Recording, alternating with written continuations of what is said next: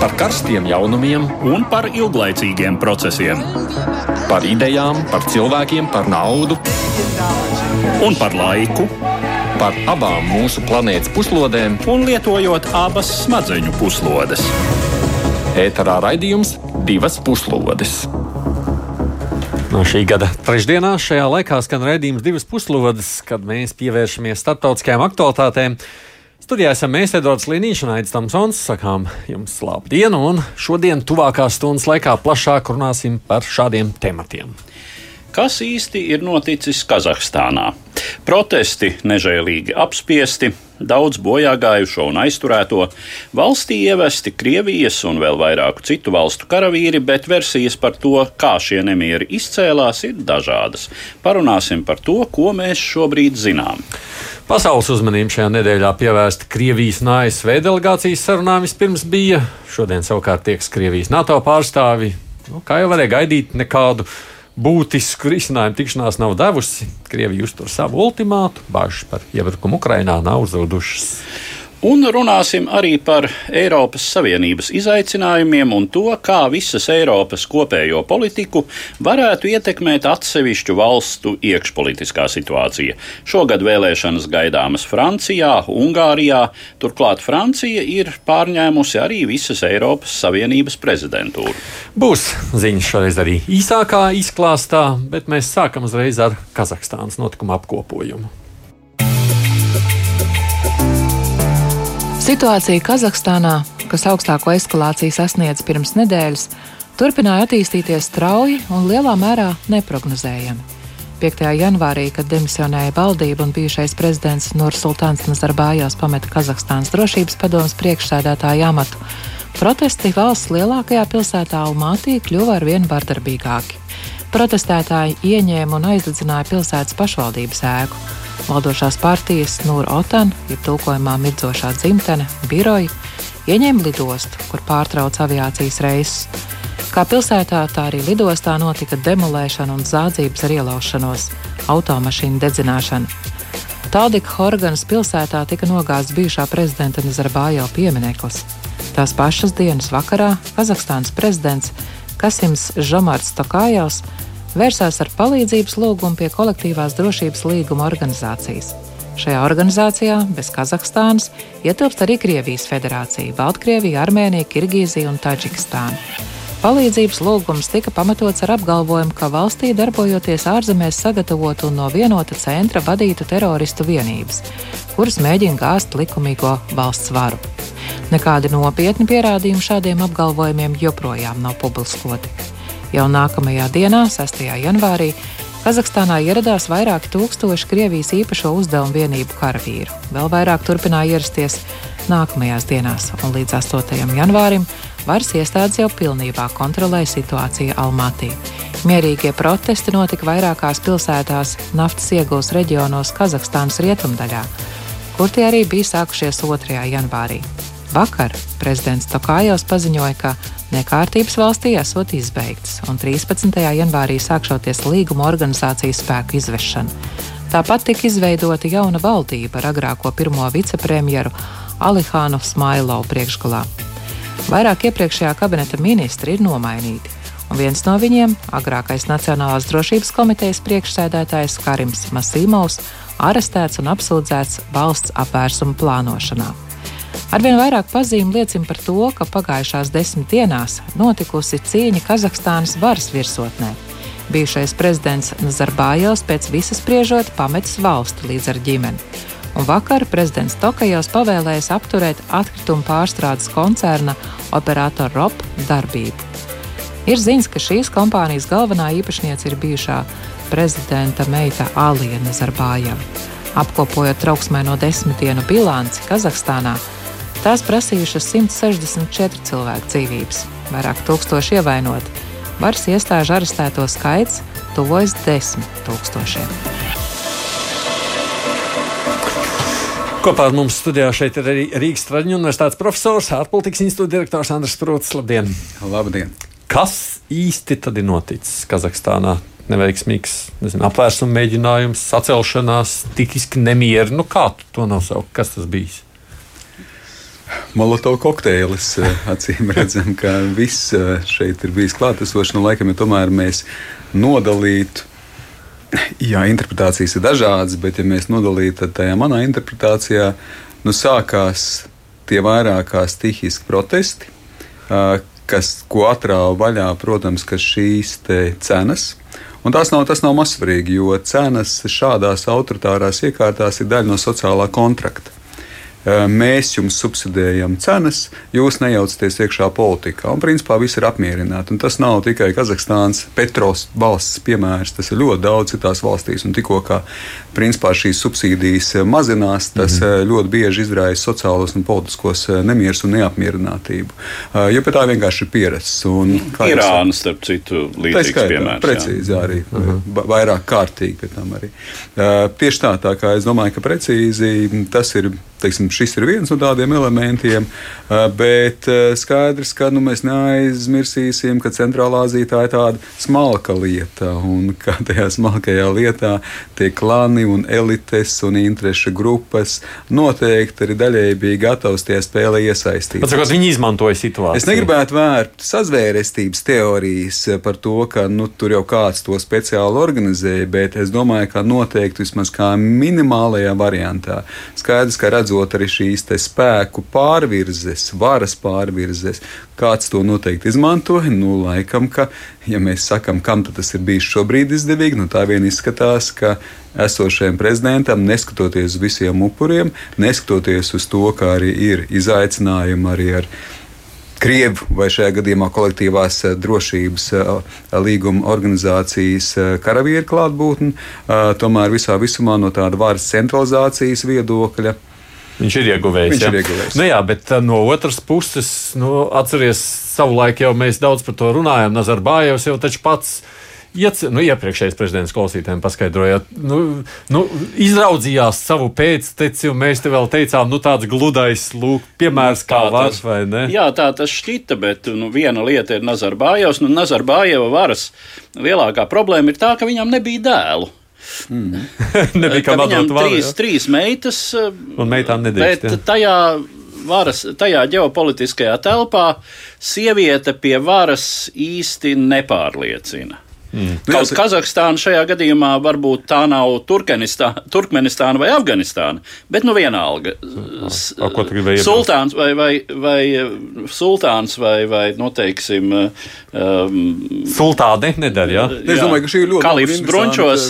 Ļoti laba un interesanta piezīme, absolūti. Es domāju, ka tas ir jāņem arī vērā. Varbūt tā ir tā papildus intridziņa tajā visās tās. Es negribētu domāt, ka tā ir izšķirošā stāsta daļa, bet tomēr intridziņa. Jo, ja mēs skatāmies Centrālā Āzijas piecās valstīs, republikās. Nu, pagaidām dēlam gan nevienam nav nodots. Uh, jāsaka, Kirgistānā ir bijis šis jau sestais prezidents. Nu, tad, ja mēs runājam Kazahstānā, uh, Turkmenistānā, Uzbekistānā šie ir otrie prezidenti. Nu, Taģikstānā mēs faktiski runājam par vienu prezidentu. Un Taģikstānā ir tā iespējamība, ka tur dēls varētu pārmantot. Mhm. Protams, ka viens piemērs, kur tas ir noticis, kas īstenībā nav Centrālā Azija, bet varbūt ar zināmu un varbūt līdzību Kaspijas jūras. Jā. jā, jā, Kaspijas jūras otrā pusē tā, protams, ir Azerbaidžāna. Jā, tā kā šeit noteikti šis faktors, viņš tajā spēlē arī jā. klātesošs. Un attiecīgi, nu tā tad tika atrasts, es domāju, ka Nazarbājevs atrada salīdzinoši, pēc visas spriežot, nekaitīgu personāžu šim uzdevumam, kas bija, kas ir Tokājevs. Uh, un, uh, Nu, tā tad attiecīgi, bet nu, izrādījās, ka acīm redzot, tomēr tā, tā varas pārdale. Uh, nu, nu, tā tad, kā mēs jau teicām, nu, nu, viss tas ir tāds kokteils. Es nedomāju, ka šī cenu paaugstināšana būtu bijusi ieplānots solis, lai izraisītu šos nemierus, un, un tad uz tā viļņa tas būtu pārāk riskanti. Un tā kā jau neizskatās pēc tāda cilvēka, kas kaut ko tādu uh, būtu organizējis, cenu pacelšana acīm redzot loģiska, ņemot vērā visas pasaules šobrīd uh, energoresursu cenu situāciju. Uh, un tas, tā īpatnība ir tā, ka, nu, acīm redzot, Kazahstānā sašķidrinātā autodegvielai lietotā gāze tomēr ir tik būtisks uh, iedzīvotāju labklājības faktors, iespēja tātad pildīt savas automašīnas un, un lietot to kā degvielu, nu, tas ir izraisījis. Tas bija tā, tā bija tā pirmā dzirkstele. Mm. Nu, protams, ka ir arī daļēji pārsteidzoši, vai nu, tas noteikti, es domāju, ka daudzus mūs pārsteidza intelektuāli pētnieciski, akadēmiski un politiski nesagatavots, ka tomēr tas bija salīdzinoši pēkšņi priekš mums visiem. Jo Kazahstāna tomēr tika uzskatīta par nu, vienu no tādiem stabilitātes uh, balstiem, bastioniem šeit reģionā. Un uh, to, ko jau arī Aidis, uh, arī Aidis teica, nu, Jā, nu taču Nazarbājevs pats iecēla un šķiet, ka tiešām salīdzinoši gludi šī pārēja, un kā arī Krievijā runāja par to, ka varētu sekot Nazarbājeva piemēram. Jā, jā, jā, mēs... līdz, līdz ar to, protams, ka šis, šis pārsteidza, pārsteidza arī tomēr tie apjomi, un no vienas puses uz jautājumu, vai Nu, šeit varētu būt pilsoņu karš. Tā atbilde ir, ka šeit tomēr nav priekšnosacījumi pilsoņu karam, bet tomēr jāsaka, ka visās pilsētās bija šie protesti. Visās pilsētās tie protesti pārauga jau tādos diezgan masveidīgos protestos, un atsevišķās pilsētās vispirms ar epicentu Almatī, nu, tas pārauga jau tādā zināmā, teiksim, tā vardarbīgā konfrontācijā. Un jāatcerās tomēr, ka Almatī nu, tā ir dienvidu teiksim, tā jau teritorija, kas ir vecā galvaspilsēta. Vecā galvaspilsēta, kas robežojās arī ar citām, teiksim, tā, mm. valstīm Centrālā Azijā un tiek uzskatīts, nu, ka, teiksim, šeit arī šo valstu tādā kruspunktā, nu, tā kopējā situācija vienmēr ir bijusi diezgan trausla un ka tur iespējams ir arī nu, tie priekšvēstneši, mm. nu, arī sabiedrības zināmai radikalizācija. Bet tur arī, paralēli, bet tur arī paralēli taču sākās marodierisms, ne? arī tādas lietas. Jā, absolūti. Jā, Jā, bet es domāju, ka tas ir varbūt tāds trešais nesaistītais elements klātesošs. Tad, tad ja, nav, nu. ja nav valsts vai varas klātbūtne, nu, tad Kāda vienkārši tā klaupīt, īstais, ja? īstais brīdis, lai atcerētos 13. janvāri zināmo Rīgā, kad arī, protams, tika ne tikai izdauzīts saimas logi, bet arī izlaupīts Latvijas balzām veikals jā, uz, uz smilšielas. Bet realitātē tagad šobrīd tas, kas notiek, tā ir tāda gan, gan to nemieru meklētāju, gan arī kaut kādu politisko pretinieku meklēšanu šobrīd, nu, es domāju, tīri no varas iestāžu puses. Nu, es domāju, ka šeit mēs varam runāt nu, vismaz kā minimums par trījiem līmeņiem. Ja, pirmais līmenis ir precīzi. Nu, šķiet, ka tā Pandoras lāde, tai neapmierinātībai, nu, vismaz uh, viņi ir parauti vaļā. Vismaz ir redzams, ka tādu lādi var paraut vaļā un ka patiesībā daudz nevajag, lai tā dzirksts -hmm. uzsprāgtu. Ja, līdz ar to es domāju, ka šeit ir jautājumi par to, ko tas nozīmē priekš Kazahstānas sabiedrības, cik šī šķietami, teiksim tā, es pateiktu, attīstītā Kazahstānas sabiedrība un valsts. Jo tomēr šeit ir atkal mēs atkal kritizējam Kazahstānu, jā, nemieri, uh, upuri, bet būtībā jau Kazahstāna ir bijusi uzskatīta, kā jau minēju, par stabilitātes, izaugsmas, attīstības, tālredzības, arī tādā zināmā veidā pat paraugu reģionā. Nevēl Nazarbājevs arī galvaspilsētu izveidoja no Matī uh, Astanā tikai tāpēc, ka viņš uzskatīja, ka teiksim, šie ziemeļa reģioni, kas arī prokrieviski vai krieviski runājoši vairāk, tur jābūt arī teiksim, tā, tur iekļaujošai urbānam centram un arī galvaspilsētai. Tā kā daudz jau šie elementi ir bijuši gudri un tālredzīgi. Un, un, un, un, un Tagad mēs redzam, ka faktiski tas viss ir līdz tādām māla kājām. Tagad es domāju, ka šeit tāds apdomāšanas, pārdomāšanas elements, vai tur ir arī cēloņi kaut kam dziļākam, tā skaitā arī reliģiskajā plāksnē. Es domāju, ka tie būs. Otrs ir, protams, šīs elites. Un tā cīņa par varu, es domāju, ka šobrīd šīs pārbīdes arī notiks. Nu, un trešā lieta, to, ko teica Blinkens. ja, ja Krievu karavīrs ierodās tavās mājās. Nu, viņš gan nelietoja laikam tu karavīrs, bet viņš principā diezgan tā tieši pirms sarunām ar Krieviju izteicās. Nu, tad uh, grūti jau dabūt viņu no tā mājām. Ir, Nā, par to es vēl pajautāšu. Mums cer šobrīd dzird Latvijas vēstniece Kazahstānā Irina Mangula. Mangulas kundze, labdien! Labdien! labdien. Sakiet, uh, no, no jūsu skatu punkta raugoties. Tas, kas ir noticis, kā jūs redzat, kas noticis šajās iepriekšējās dienās Kazahstānā? Kas noticis, ir notikusi, ir notikuši pilsoņu nemieri, kas izcēlās tieši tā kā presē jau ir daudzreiz parādījies dēļ straujas cenu celšanās, pamatā dēļ dabas gāzes cenu celšanās, kas izraisīja tālāk citu cenu celšanos. Un uz šo notikumu fona ir notikušas arī citas varas pārbaudas spēles, bet iesaistītos spēlētājus pagaidām precīzi identificēt nav iespējams. Tas, ko saka esošais prezidents, sakot, nu, ka tur ir ārvalstu teroristi, kas ir speciāli gatavoti, un tad nāca minējumi no dažādām pusēm, nu, no kurienes tad nāk un kādi ir tie viņu mērķi.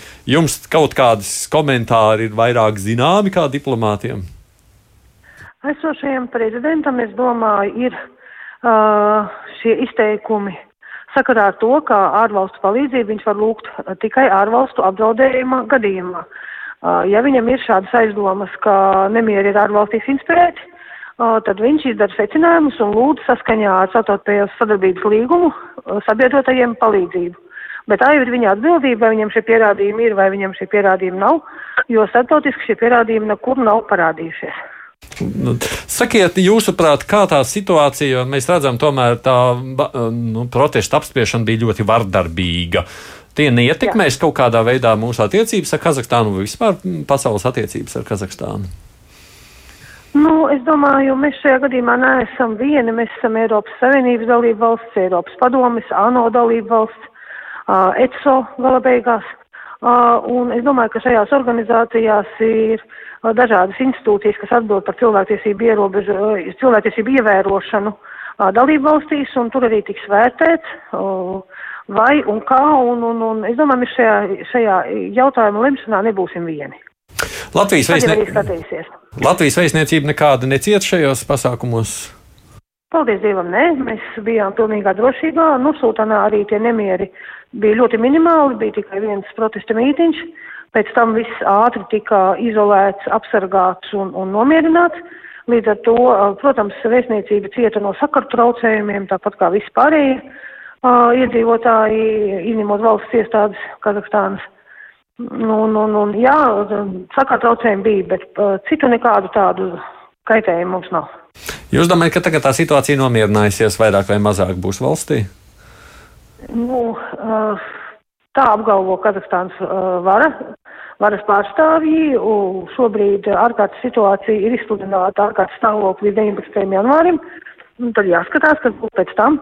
Uh, būs arī šobrīd jāskatās, vai ārvalstu karaspēks tiks izvests tuvāko pēc uh, pāris dienu laikā vismaz uzsākts izvest, kā to sola Kazahstānas amatpersonas. Krievijas amatpersonas gan ir izteikušās, ka, kad vajadzēs, tad izvedīs. Nu, skatīsimies, gan jau viņi ir savā starpā vienojušies un viss ir kārtībā. Hmm, paldies, Irina Mangula, Latvijas vēstniece Kazahstānā. Paldies par sarunu. Uh, tavuprāt, kas notiks tālāk? Uh, nu, kā, ko mēs tādu gaidām? Krievija izvedīs karaspēks, nomierināsies, sakārtos politiskās attiecības, un tā kā jau būs nostiprinājis savu varu. Vai tomēr ne tik vienkārši? Īsa atbilde ir jā. Garāka atbilde, protams, kad ir izvērstāka.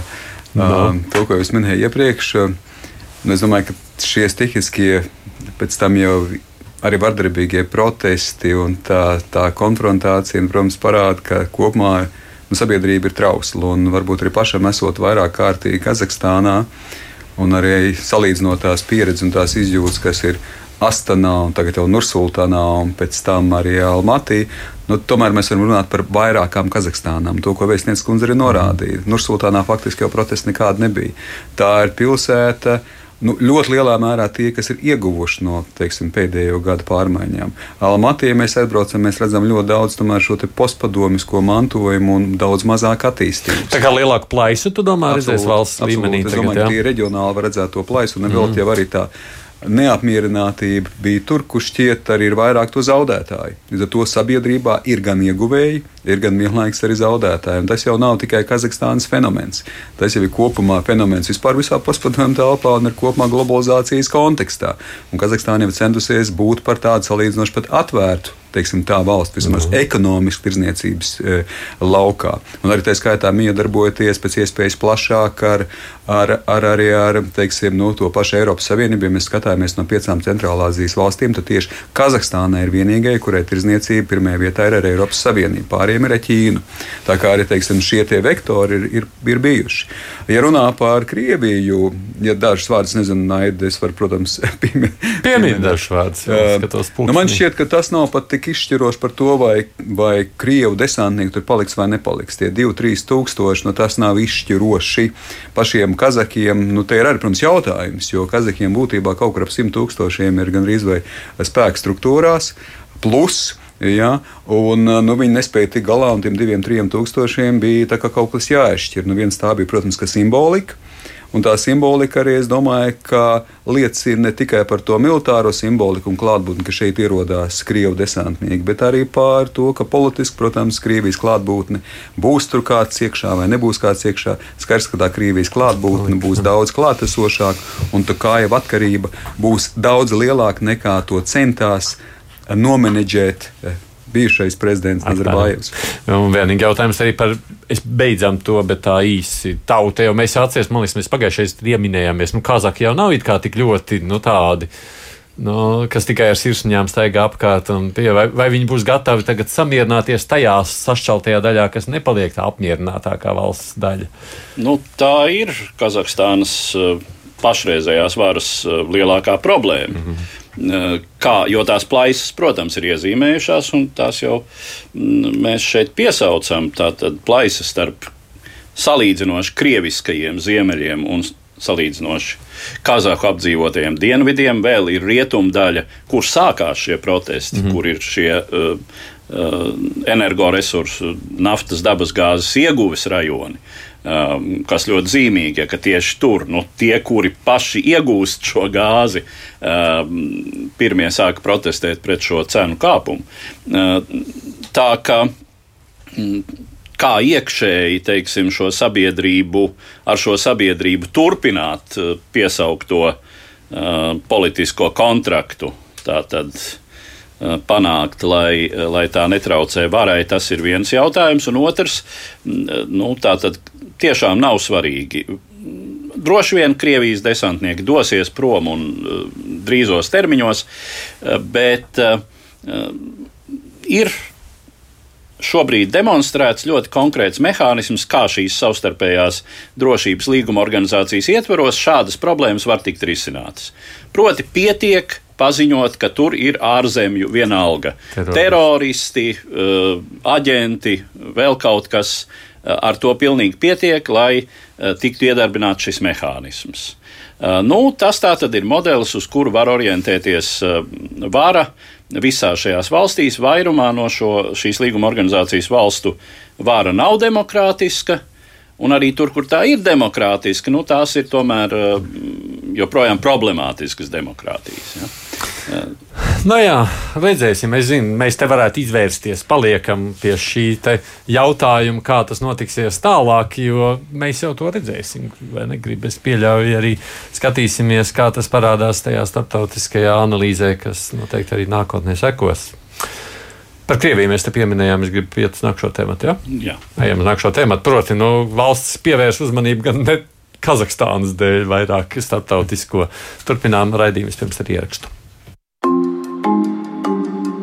Pirms Krievijas un Savienoto Valstu drošības saruna pirmā raunda, kas pirmdien notika Ženēvā, Šveicē, abu pušu pozīcijas bija visai tālas.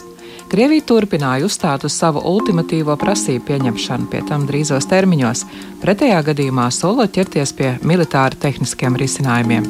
Kā izteicās Krievijas delegācijas vadītājs, ārlietu ministra vietnieks Sergejs Ribakovs, Maskava neielaidīšoties mēnešiem un gadiem ilgā diskusiju procesā.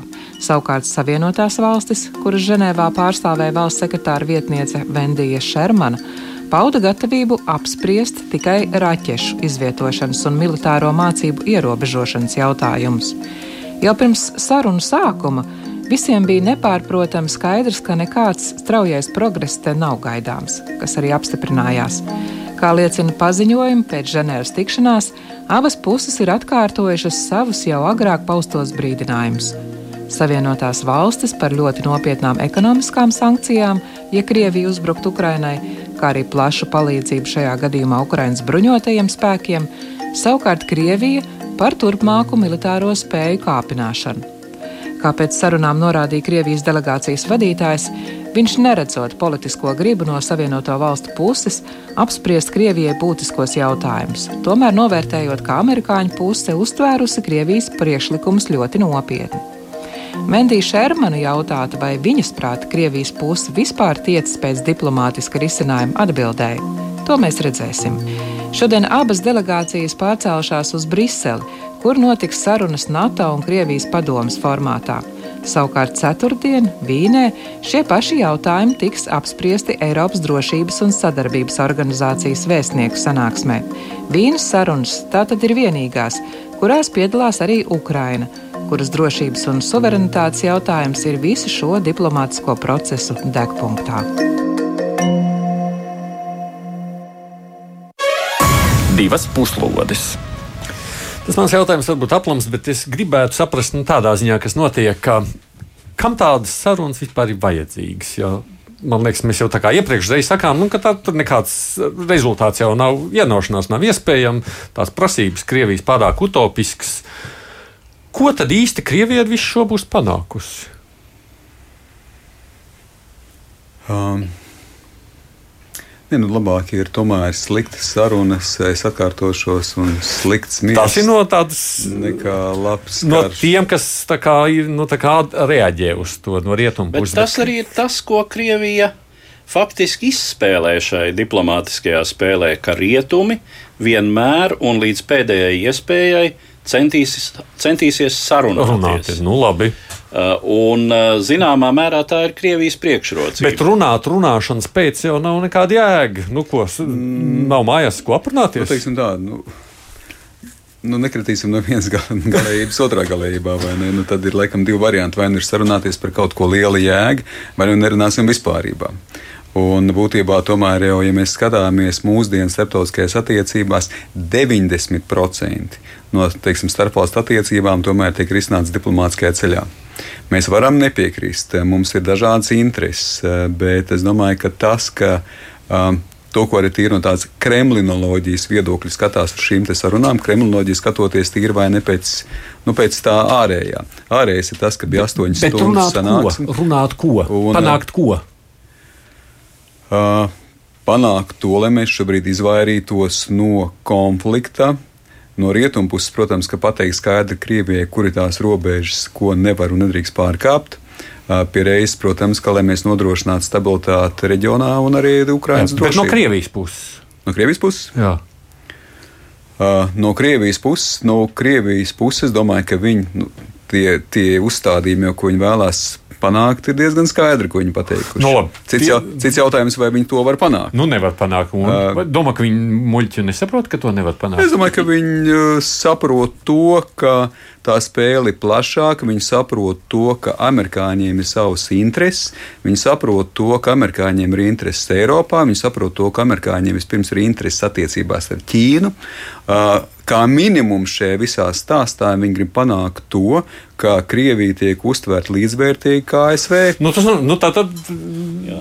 Un šeit ir ļoti svarīgi, ka tas pirmām kārtām šis līdzvērtīgi, līdzvērtīgā spēlētāja status ka tas ir adresēts, protams, Krievijas iekšējai lietošanai. Tātad tu domā, ka tas tomēr ir adresēts Krievijas iekšējai nu, lietošanai? Ne tikai, ne tikai. Tas ir adresēts Ukrainai. Nu, faktiski viens, ko Putins ar visu šo ir skaidri un gaiši pateicis, ka Krievija darīs visu, un faktiski tas ir Krievijas uzstādījums, lai Ukraina būtu neizdevusies valsts. Ukraina, kura attīstās pa demokrātiskās eh, attīstības ceļu un kaut kā sekmīgi veidos savu iekšējo un ārpolitiku, kas lielā mērā ir noticis par spīti Krievijas invāzijai Eh, par spīti pastāvīgam ekonomiskajam, politiskajam spiedienam no Krievijas puses, militāram spiedienam, ja, maskētam. Uh, Ukraina ir visai sekmīgi, uh, kā viņi paši saka, nosaitējusi šo uh, pūžņojošo Donbasa rētu un attīstījusies ekonomiski, uh, Eh, tur nav noticis ekonomiskais sabrukums, eh, politikā nav iestājies totāls hauss. Krievija vienu brīdi Es domāju, pāris gadus eh, tas ir atbilde uz jautājumu, kāpēc tieši tagad. Krievija diezgan ilgu laiku cerēja tā vai citādi iespaidot savā labā prezidentu Zelenski. Nepieredzējis politiķis, cilvēks ar televīzijas šova pieredzi, nu, vispār, jāsaka, Eiropas mm. kategorijās spriežot, nu, vispār te, te ir neiedomājams politiķis. Ja? Ir izrādījies, ka tas neiet cauri. Ja? Kas Ukraiņiem pašiem bija diezgan, diezgan skaidrs jau pašā sākumā ka Zelenskis nevar atļauties, teiksim, dancot pēc Krievijas stabulas. Es pavisam, pavisam īsi domāju, protams, ka te var, te var ļoti garu un, garu un plašu runāt, bet uh, varbūt divas lietas. Viens ir tas, ka faktiski nu, visas valsts, jo es pirms domāju par savu iekšpolitiku, viss, kas ir ārējā telpā, vispirms ir no, jā. domāts materiāli vai emocionāli tai iekšpolitikai. Nu, ne jau mēs cīnāmies teiksim, par būšanu NATO, vienkārši par būšanu NATO. Nu, tas ir tas, lai mēs nodrošinātu savu neatkarību, savas nācijas izdzīvošanu, lai mēs šeit dzīvotu neatkarīgā valstī. Un līdz ar to, principā, katrai valstī vispirms, protams, ka iekšpolitika jau pēc definīcijas ir primārajā mērķa autori. Mm -hmm. Protams, ka Krievijas gadījumā šī ārējā dimensija, nu, tā vienmēr ir bijusi daļa no, no šī impēriskā gēna no tā, ka Krievijai draugu nav, ka vienīgie draugi ir flota un armija, kā Vladislavs Surkovs te mums nesen izteicās, arī, ka 400 gadu mēģināja ar austrumiem, nekas nesanāca, 400 gadu mēģināja ar rietumiem, nekas nesanāca, un tagad jāpaliek vieni strateģiski tādā vientulībā. Nu, tā, tas ir tas narratīvs par to pašpietiekamību, par ielenkšanu, par izdzīvošanu, kas ir, kas ir, kas ir teiksim, gadu simtiem. Un es domāju, ka te ir daļa no sabiedrības, protams, ka konsolidācijas, tas viens otru pastiprina. Ja runā par ārlietām, pavisam viena lieta, tur, kur ir Krievijas priekšrocība. Krievijas priekšrocība tas, kas šeit arī parādās. Uh, Viņai ir diezgan nelabas kārtas, ne pārāk spēcīgas kārtas, ja mēs skatāmies atkal no tīra ekonomiski, ja mēs skatāmies no sabiedrības attīstības viedokļa, ja mēs skatāmies no tehnoloģija, teiksim, tā modernu attīstības viedokļa, ja mēs skatāmies pat tīri militāri salīdzinājumā no ar NATO vai to pašu ASV, nu, tur ir stipri mazāk teiksim, šie te resursi, kā ir, kā ir citiem. Bet tur ir tā asimetriskā uh, vēlme un spēja uh, teiksim, vismaz reģionos, kur ir ievainojami uzspiest kaut kādu savu spēles loģiku. Un viens, ko, protams, Krievi ir diezgan eh, prasmīgi, viņi izspēlo šo strateģiskās divdomības izspēli, ka nekad īsti nav skaidrs, ko tad ar to viņi grib panākt. Kamēr tiem rietumiem ir skaidrs, mēs te gribam mieru, mēs te esam gatavi par tām iedēļotājiem sarunās iesaistīties. Vispār mums te neko daudz nevajag. Un, Runājot par Ukrajinu. Krievija, Krievija šobrīd ir uzsākusi mācības atkal, līdz ar to pastiprinot šo strateģisko divdomību. Tāpēc nevēl jau arī dažkārt ir teikts, ka rietumiem būtu jāspēlē šī strateģiskā divdomīga, arī nebūtu skaidrs. Un Trumps to daļai mēģināja. Trumps tajā ziņā bija, kā viņš pats teica, tu esi prognozējams. Tad īsti tu to spēli neuzvarēsi. Bet eh, kopumā apzināmies arī skaidrs to situāciju, ka Ukrainā nu, Krievijai būs asimetriski lielāka angažētība pēc tās savas vēlmes, ambīcijām, vēlme iziet uz konfliktu nekā tas ir rietumiem. NATO strateģiskās komunikācijas izcīlības centra vadītājs Jānis Sārts arī klausās mūsu sarunu šobrīd. Sārtkungs, labdien! Labdien! Nu, jūs arī sekojat līdzi tai publiskai informācijai un analizējat to, nu, tas, kas nāk šobrīd no Krievijas, tā retorika, tad jūsuprāt, ir vairāk pašmāju publikai, vai tie arī mēģinājumi kaut ko tur panākt rietumos tomēr? Nu, es domāju, neapšaubāmi Kremļa pamata auditorija ir uh, Krievijas iekšienē. Un, uh, principā, tas, ko mēs redzam, ir, uh, principā, šī komunikācija pamatā ir vērsta uz iekšēni. Un bieži vien saprotot, ka varbūt ārpusē šī pati komunikācija radīs pat pretēju efektu uh, nu, nekā varētu domāt, būtu nepieciešams, uh, ņemot vērā viņu iespējamos strateģiskos plānus. Tā kā noteikti, jā, viņi to redz tādā pamatā runā viņi vienmēr ar saviem pašiem uh, Krievijas iedzīvotājiem. Un ko viņi šādā veidā būs panākuši? Ne, nu, uh, Kremļa pamat uh, uzsvars ir, lai uh, Krievijā joprojām ir stabilitāte un pamatā tiek noturēta esošā varas vertikāla tā, kā viņa tiek uzbūvēta. Un, protams, tas ir viens no iemesliem, kāpēc arī nu, tā um, agresivitāte ir augusi, jo gan savulaik uh, Ukrainas notikumi, gan Baltkrievijas uh, notikumi ir pārliecinājuši par to, ka ir nepieciešams uh, ļoti spēcīga kontrole pār uh, iekšējām, teiksim tā, sarunām, jeb narratīviem, kas uh, ir Krievijā. Un uh, nu, vismaz zināmā mērā viņi uh, ir panākuši kaut vai to, ka cilvēki uzskata, ka NATO un Ukraina ir agresors. Bet, protams, es uh, skatoties arī uz tiem pašiem Kazahstānas notiekumiem, es teiktu, ka arī Krievijā droši vien ir īstenībā diezgan liela neapmierinātība ar esošo kārtību. Un vienkārši nu, nav tādas pietiekamas lielas dzirksts bijis, kas ļautu tam visam nu, izpausties daudz plašākā apjomā. Un tad šis varētu palīdzēt būt kā tāds zibens novedējs? Jā, un nu, vismaz tā es domāju, tas ir iecerēts, un tas ir iecerēts kā tāds uh, sauciens, nu, sanākam kopā, reku mums lieli ienaidnieki, lielas krīzes, mēs nevaram atļauties būt sašķelti. Tas noteikti, es domāju, ir vismaz viena no idejām, eh, kas ir vadījusi viņus eh, pie, eh, nolemjot par šo te eskalāciju, ko mēs šobrīd redzam, bet nu, es domāju, ka tā varbūt arī nav nebūtu vienīgā. Paldies! NATO strateģiskās komunikācijas izcīlības centra vadītājs Jānis Sāts bija pie klausulas runājot par šo visu. Um, nu, pabeidzot šo tematu, nu, būs tādas nākošās sarunas, nu, tās arī droši vien nu, ja šodien, nu, Ja šodien, būs. šodien tur ir ar NATO, rīt ir Jā, nu jā, vai ne? jā. Nu, tālāk gaidām. Ne, nu tālāk gaidām? gaidām eh, Krievijas eh, tekstu par to, eh, vai eh, turpmākie sarunu raundi vispār notiks, vai tam ir jēga. Nu, es teiksim, drīzāk liektos teikt, ka sarunas turpināsies tomēr. Nu, jā. Nu, it kā Ja Japkova kunga jā, izteikumi par to, ka viņš tomēr novērtē, ka mūs ņem nopietni, eh, par to vedina domāt. Nu, ja nē, tad. Uh, nu jā, tas ir, tas ir starp citu interesants jautājums. vai Krievija, vai Krievija militāri ir gatava kaut kam vairāk, kā varbūt eh, jaunai uh, eskalācijai uz uh, šīs demarkācijas līnijas starp Donbasu, starp šīm tā sauktējām tautas republikām un pārējo Ukrainu. Ko tu domā, ko mēs sagaidām tālāk?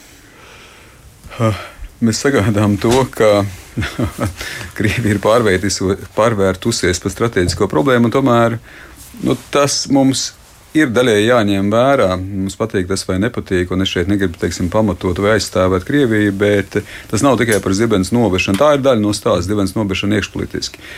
Krievijā tas, tas nav tikai Putins, kas ir radījis teiksim, šo te, uh, loģiku par nu, teiksim, tā, aplenkto Krieviju. Tas nav tikai Krievijas, tas nav tikai, tā nav tikai Putina Krievija, tā ir, tas ir arī Krievijas Putins. Viņš lielā mērā pārstāv ļoti dziļi sēdošas aizvainojumu, vilšanās, kā es teicu, pamatot, nepamatot, apusēji, neapusēji, ko pat Krievija, kā saka, neizdara nekādas secinājumus par to, bet dziļi sēdošas aizvainojums par to, ka lielā mērā viņa nav tikusi ņemta vērā. Un es domāju, ka ar to ir jārēķinās. Un te ir arī tā problēma, ka šobrīd, protams, tā saruna viņa tādā fundamentāla līmenī ļoti, ļoti sarežģīta. Uh, un fundamentāli pilnīgi dažādiem pamatiem, bet kopumā mēs runājam par situāciju, ko dažkārt salīdzina ar no 90. un 91. gada tā, sarunām par to, kāda Eiropai tad ir jāizskatās. Un, uh, no tā viedokļa es domāju, ka šīs sarunas turpināsies. Uh, Man tomēr gribētos domāt, ka Krievija absolūti nav ieinteresēta kaut kādā masveida kara darbībā ar Ukrajinu un masveida uh, asins izliešanā.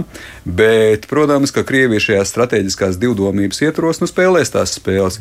Kodolieroči pavērsts pret NATO valstīm, uh, konkrēts raķetes pavērsts pret konkrētām valstīm. Un 100 Uh, tūkstoši pie Pskovas. 100 tūkstoši permanenti pie Skovas, 50 tūkstoši bāzē Donbasā, uh, Iskanders šobrīd konkrēti ar kodola galviņām Kaļiņgradas apgabalā. Noteikti vēl ir Baltkrievijai iespēja. Nu, Kāda zemūdenīte varētu uh, pārmaiņas pēc kopš padomu laikiem sen, sen nav pie Ok. Zviedrijas. Jūs esat iesiluši, tas ir labi. Es jums ļauju iesilt tālāk.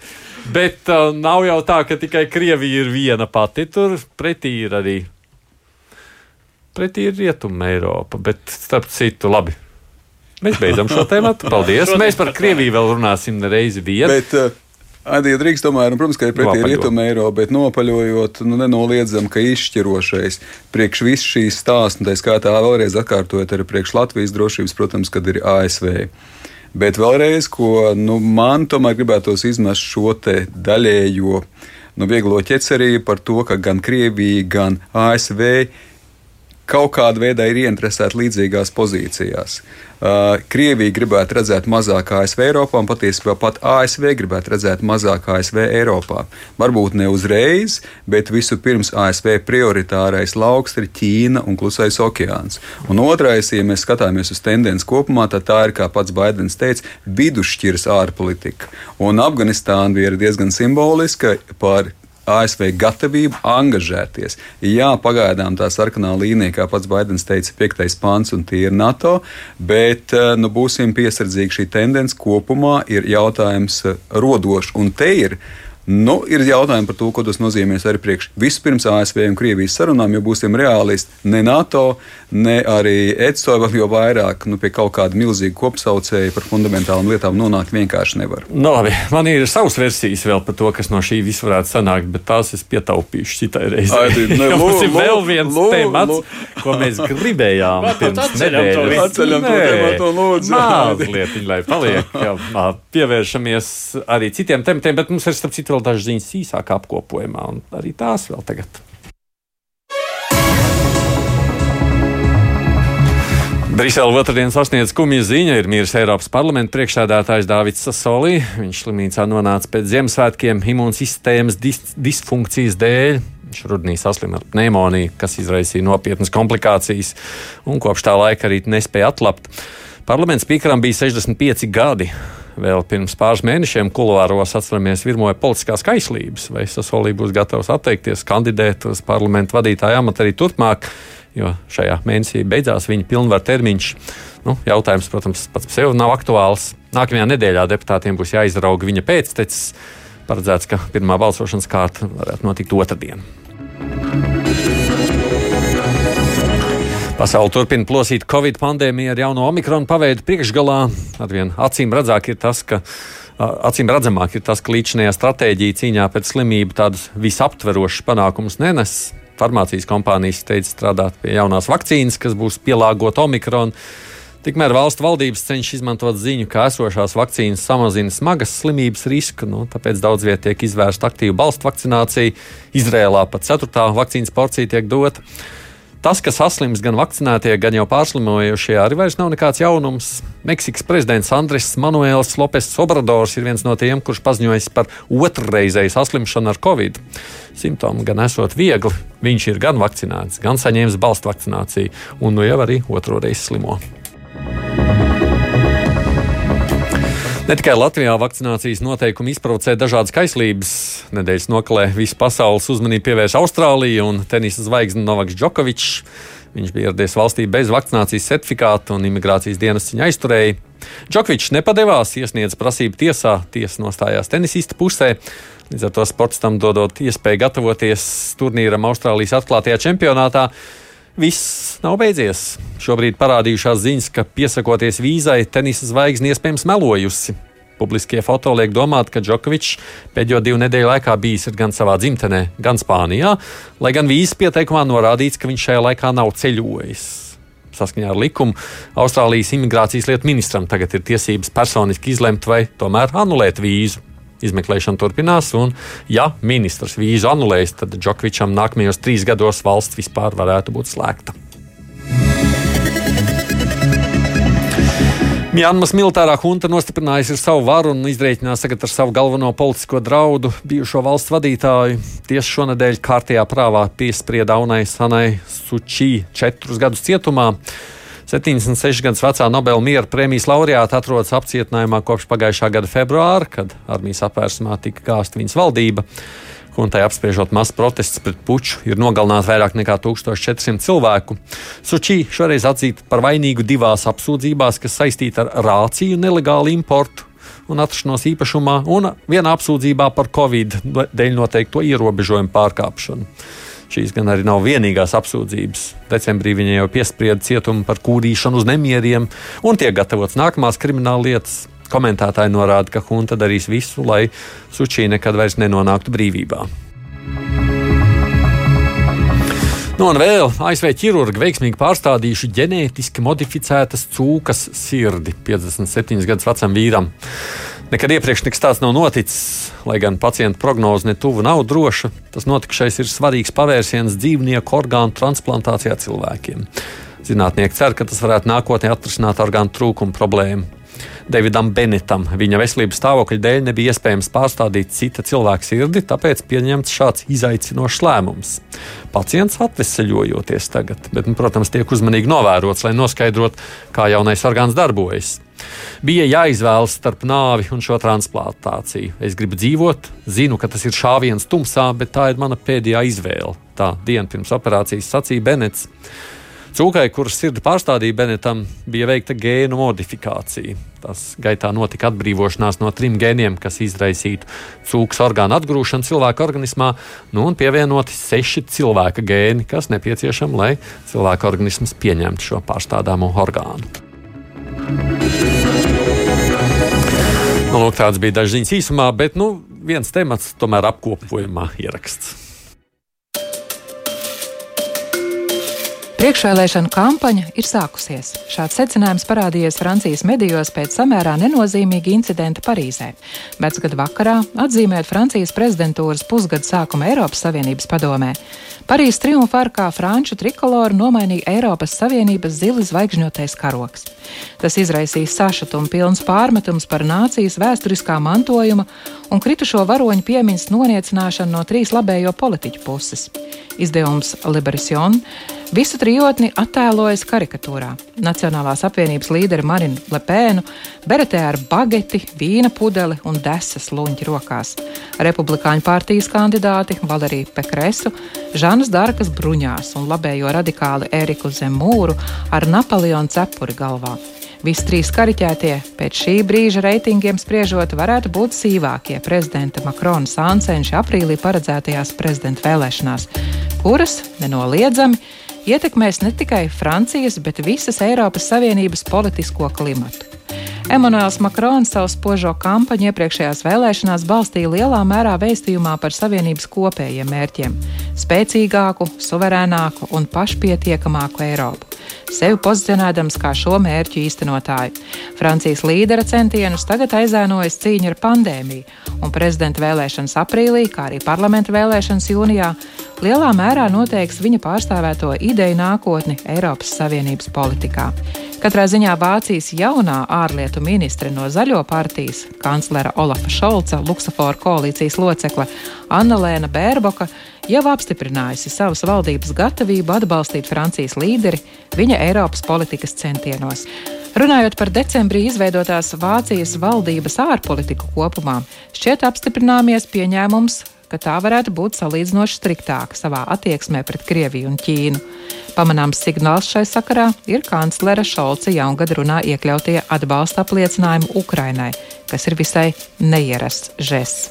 No citām nākamgad gaidāmajām vēlēšanām Eiropas Savienībā uzmanība noteikti būs pievērsta Ungārijas parlamenta vēlēšanām aprīlī. Visas nenozīmīgākās opozīcijas partijas no labēji konservatīvajiem līdz sociālistiem beidzot apvienojušas spēkus priekšvēlēšana apvienībā, lai mēģinātu atstumt no varas tur demokrātiskiem un ne sevišķi demokrātiskiem līdzekļiem pamatīgi iecementējušos premjerministra Viktora Orbāna partiju Fidesz. Pēc aptaujas datiem spriežot, apvienībai vienoti Ungārijai ar viņu kandidātu Peteru Mārki Zāju priekšgalā tas varētu pat izdoties. Kas attiecas uz septembrī gaidāmajām Zviedrijas parlamenta vēlēšanām, tad tās, kā lēš, ar lielu varbūtību varētu noslēgties ar kārtējo mazākuma valdību. Cik tālu nedz pašreiz valdošie sociāldemokrāti ar premjerministri Magdalēnu Andeša Soni priekšgalā, nedz mērenie ar savu līderi Ulfu Kristersonu joprojām nebūs gatavi veidot koalīciju ar galēji labējo Zviedrijas demokrātu partiju. Atgādini šeit studijā arī Andris Prūts un Edvards Liniņš. Edvards, vispār tās vēlēšanas te Francijā tātad pieminētais, jā, nu, Ungārija, Zviedrija, ja, tepat, tas viss atstāt var kaut kādu nu, to kopējo ietekmi uz kopējo Eiropas Savienības politiku. Nu, citādi jau mēs par to nerunātu. Nu, ja, mēs, ja mēs iedomājamies, ka teiksim, pēkšņi Makronu Francijas prezidenta postenī nomaina Lepēna. Mēs spējam to iedomāties. Vai zemūrs. Mēs, jā. mēs to iedomājamies. Nu, to īsti neviens tā kā negribētu iedomāties, jo uh, tas varētu radīt diezgan lielu haosu Eiropas uh, valstu attiecībās, un sevišķi ievērojot, ka nu, Eiropas mm, politika tā ir uh, ļoti lielā mērā šo divu lielo, uh, nu, velk, velkošo riteņu uz vienas asas, proti, Vācijas un Francijas sazobas jautājums. Uh, un, Bet uh, tad Vācijā nomainījās valdība. Nekas, Vācijā ne? valdība nomainījās pret salīdzinoši tomēr uh, ļoti uz, uh, uz uh, iepriekšējās politikas turpinājumu, mm -hmm. uz stabilitāti un pārmantojamību. Un, orientētu. un Ungārijā jau nekas ar sliktāks notikt nevar vairs. Vai Nu, ne? Ungārija ir salīdzinoši mazāks, mazāks spēlētājs. Ungārija ir būtiska tā ziņā, ka nu, tā ir šobrīd lielākais Eiropas sāpju bērns, tā varētu teikt. Nu, kur lēdz, jā, jau? Kur tiešām mēs varam runāt par to, ka Ungārijas iekšpolitikā uh, Eiropas vērtības ir degradētas. Redz, kāpēc es to jautāju Edvardam? Tāpēc, ka realtātē jau mēs varētu teikt, nu, ja kaut kas varētu uztraukt tādā kopējā Eiropas līmenī, tā ir Francija, taču ne jau citas valsts, vai ne? Viss atbildi precīzi. Ja mēs skatāmies arī varbūt iepriekšējām vēlēšanām Francijā, tad jāatcerās 2017. gadā tas bija pēc 2016. gada Brexita. Uh, un tad uh, bija vēlēšanas gan Holandē, gan pēc tam arī Vācijā. Faktiski tika uzskatīts, ka tas centrālais vēlēšanas, kas nu notiks Francijā. Un tiešām gāja karsts. Domāju, to, to brīdi, vai nav nākošie tie dominē, kau, domino kauliņi, kas kritīs. Un, principā, mēs runājam par tādu Eiropas eksistenciālismu pat izaicinājumu. Tāpēc tas māja 17. gada var būt tāds Eiropas mēnesis vai ne. Nu, šobrīd gribētos domāt un teikt, ka nē. Bet taisnība atkal Edvardam ir par to Franciju. Un arī tavā jautājumā, Jā. ka tā Francija jau ir Nu, daļai vienmēr viņa paliek tāds slidens, eh, sli, slidens kauliņš tajā domino uh, kavā, jo, nu, ja mēs skatāmies uz iepriekšējiem prezidentiem, tad neviens, eh, vismaz pēdējie divi prezidenti, divus termiņus eh, līdz diviem Nav- termiņiem nav. nav aizvilkuši, ja tā drīkst. Bet vai, kas tad tur vairs par alternatīvu var būt? Ja nav Makrons, tur ir tikai tie labējie. Tur jau nav Tieši tā, cits, ne? tieši tā. Es domāju, ka Lepēna visticamāk jau ir. Nu, problēma ir priekš Lepēnas vispirms, ka viņai ir viņas ļoti, teiksim, tā salīdzinoši lojāls vēlētājs, bet eh, nu, viņai grūti dabūt to pusi. Ja, un tā puse, un tas jau parādās Vai gan Lepēna, gan arī viņas tēvs, ka tajā brīdī otrajā kārtā pat jāaiziet, nu, tas ar to, Ar to viss beidzās, vai ne? Ja nav kaut liek- kāda milzīga izaicinājuma, sociāla Un kas liek ekonomika. domāt, ka būs citādi šoreiz? Nu, Nebūs. Nē, nu, citādi. Lepēnas gadījumā ļoti iespējams, ka nebūs citādi, bet nu, varbūt ka tie kauliņi sakrīt tā, ka pēkšņi Valerija Pekres uh, kļūst par Kas uh. Tā sacīt, pēcnācēju, uh, nu, kas ir salīdzinoši tomēr tuvāk centram politiķi. Nu, tie ir republikāņi, kas ir uh, iestrādāta, veca, stabila, Partija, arī tā skaitā vāras partija Francijā. Uh, nu, arī salīdzinoši, protams, prognozējamāk jebkurā Eiropas procesā nekā, nekā tā ir. Jā, tā nebūs, uh, Pekresai nebūs šī, šī Makrona ambīcija kļūt par Eiropas nākotnes uh, uh, iezīmētāju, jā, šo scenāriju radikālu, nu, respektīvi, jā, ambiciozo uh, suverēnās, spēcīgās Eiropas scenāriju veidotāju, bet nu, tur vismaz, uh, ja tā būtu Pekresa, ja tie būtu republikāņi, nu, attiecīgi pārsteigumu droši vien un, un tādu krasu pavērsienu nebūtu. Nu, Vārds sakot, tā pirmā kārta galu galā būs diezgan būtiska, vai ne? Lai noteiktu Jā, to, kas protams. tālāk notiek arī Francijas vēlēšanu rezultātos. Abas ir aprīlī, tas ir klausītājiem tagad zināšanai. Ja? Šobrīd, nu, Zviedrija tur gan laikam ir rudens. Tur ir rudens, jā, tāpat kā Latvija. Pareizi, mēs par sevi. Nedrīkstam aizmirst. Kura šais Eiropas pārskatos, cik es tev tur Neviens nav pieminējis? Praktiski nepiemina. Edvards. Kādu, kādu, mēs nevienu īpaši neuztraucam. Edvards Liniņš, ārpolitikas institūta direktors Rīgas Traģiņu universitātes profesors Andris Sprūts. Nu, studijā bija Resaidis Tomsons, producents Tevi Junāma. Tiekamies ētrā pēc nedēļas lūkosim, kā notikumi būs risinājušies atkal tālāk.